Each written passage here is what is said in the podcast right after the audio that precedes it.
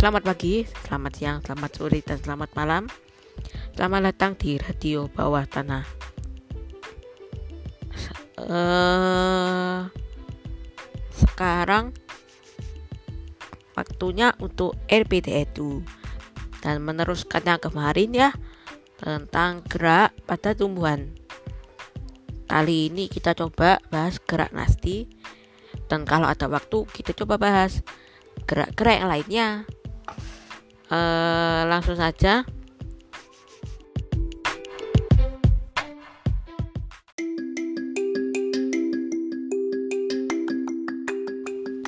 Gerak nasti adalah gerak yang di, pada tumbuhan yang tidak dipengaruhi oleh arah datangnya rangsang.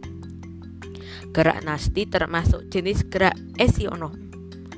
Jenis gerak esionom karena rangsangannya berasal dari lingkungan di luar tubuh.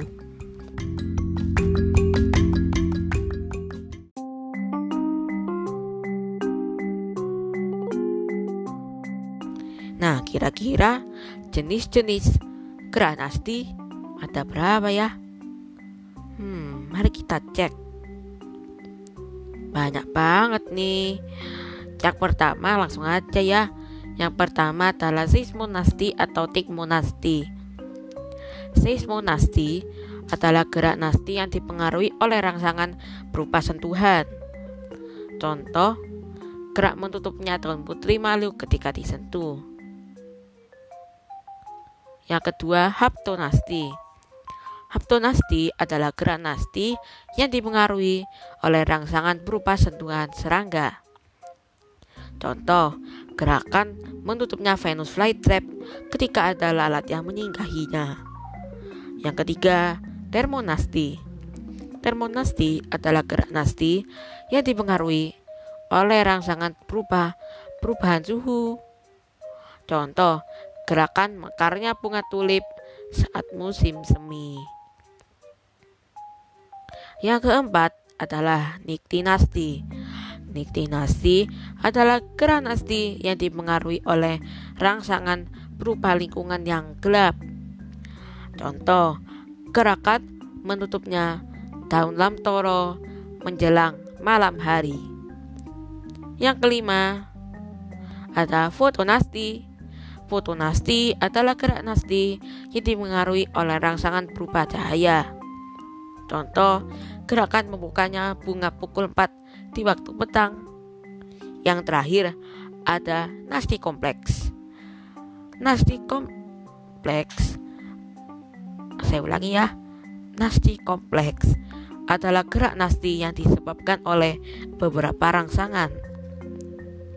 Contoh, gerakan membuka dan menutupnya stomata yang dipengaruhi konsentrasi karbon dioksida, kadar air, suhu, dan cahaya. Pastinya uh, kudu udah paham kan? Sekarang mengenai gerak nasti. Habis ini kita langsung aja lanjut ke gerak tropisme.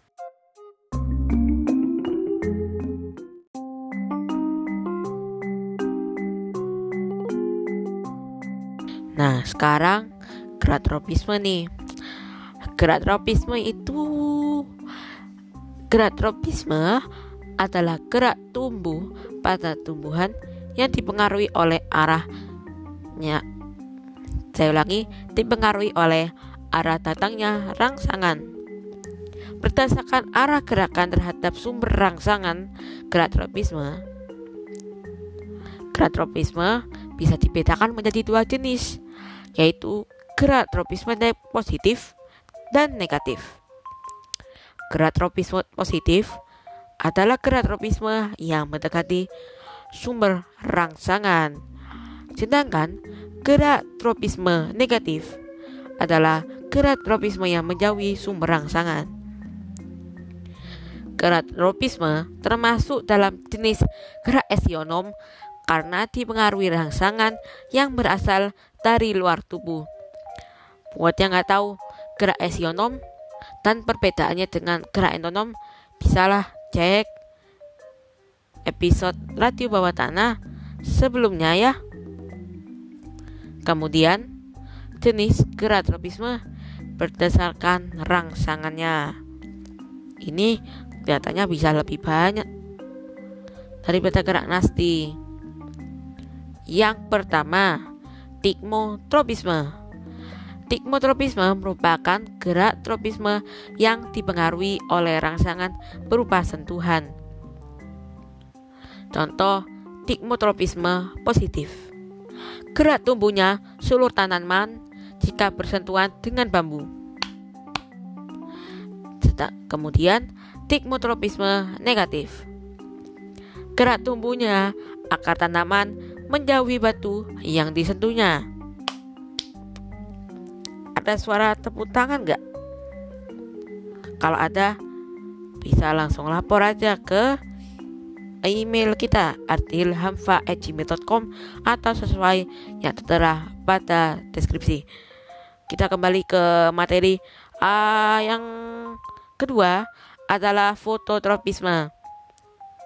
Fototropisme merupakan gerak tropisme yang dipengaruhi oleh rangsangan berupa cahaya. Contohnya adalah fototropisme positif. Fototropisme positif adalah gerak pertumbuhan batang yang mendekati sumber cahaya. Sedangkan untuk fototropisme negatif merupakan gerak tumbuhnya akar menjauhi sumber cahaya. Selanjutnya nih, geotropisme. Geotropisme adalah gerak tropisme yang dipengaruhi oleh rangsangan berupa gravitasi. Pasti ada positif dan negatifnya karena ini gerak tropisme. Kira-kira apa perbedaan di antara positif dan negatif? Langsung aja kita bahas. Geotropisme positif adalah gerak pertumbuhan akar menuju pusat bumi. Sedangkan geotropisme negatif adalah gerak pertumbuhan batang menjauhi pusat bumi. Kita lanjut ya tetap di gerak tropisme. Uh, kali ini adalah kemotropisme. Kemotropisme adalah gerak tropisme yang dipengaruhi oleh rangsangan berupa zat kimia. Contohnya, kemotropisme positif terjadi pada gerak pertumbuhan akar yang mendekati zat hara. Kalau kemotropisme negatif, jelas negatif ya karena akar akan bertumbuh menjauhi zat-zat asam yang berbahaya. Nah, yang terakhir dari gerak tropisme namanya hidrotropisme. Hidrotropisme adalah gerak tropisme yang dipengaruhi rangsangan berupa air. Contohnya, gerak pertumbuhan akar mendekati sumber air.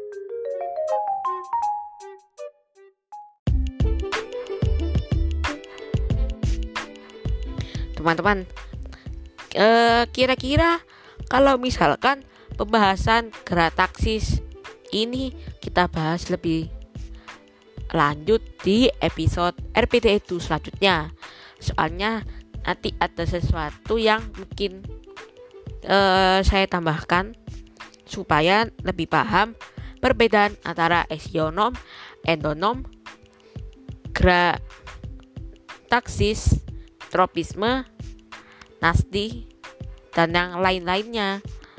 Uh, jadi kira-kira itu saja episode RPT Edu kali ini. So semoga uh, teman-teman bisa memahami dan dan kalau biasanya saya upload tuh kira-kira hari Senin dan hari Selasa kemudian hari ini saya upload di hari Rabu. Uh, jadi sebetulnya itu seakan-akan melanggar peraturan tidak tertulis melalui eh mengenai konsistensi uh, mingguan radio bawah tanah selain episode-episode 30 hari bersuara. Jadi sekiranya kalau memang terbebani terganggu oleh mundurnya se mundur sehari dua hari dari jadwal upload dan seharusnya uh, kami memohon maaf dan sekiranya apabila Anda memiliki banyak waktu bisa dong cek 30 hari bersuara yang dibikin oleh 30 oleh radio bawah tanah. Isinya sotoy banget.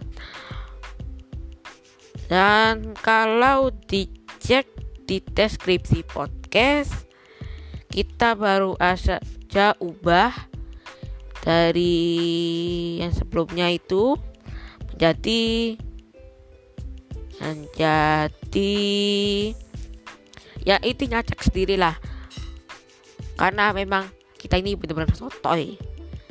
Tuh. Sekali lagi terima kasih telah mendengarkan sampai di sini. Kalau ternyata saya baru berterima kasih sekali ya sudah terima saja rasa terima kasih saya. Uh, apalagi yang perlu saya, saya sampaikan? Kira-kira nggak ada? Kalau ada yang perlu kalau teman-teman rasa ada yang perlu diingatkan bisa langsung ingatkan melalui email ardilhamfa@gmail.com atau sesuai yang tertera pada deskripsi. Apalagi tidak ada.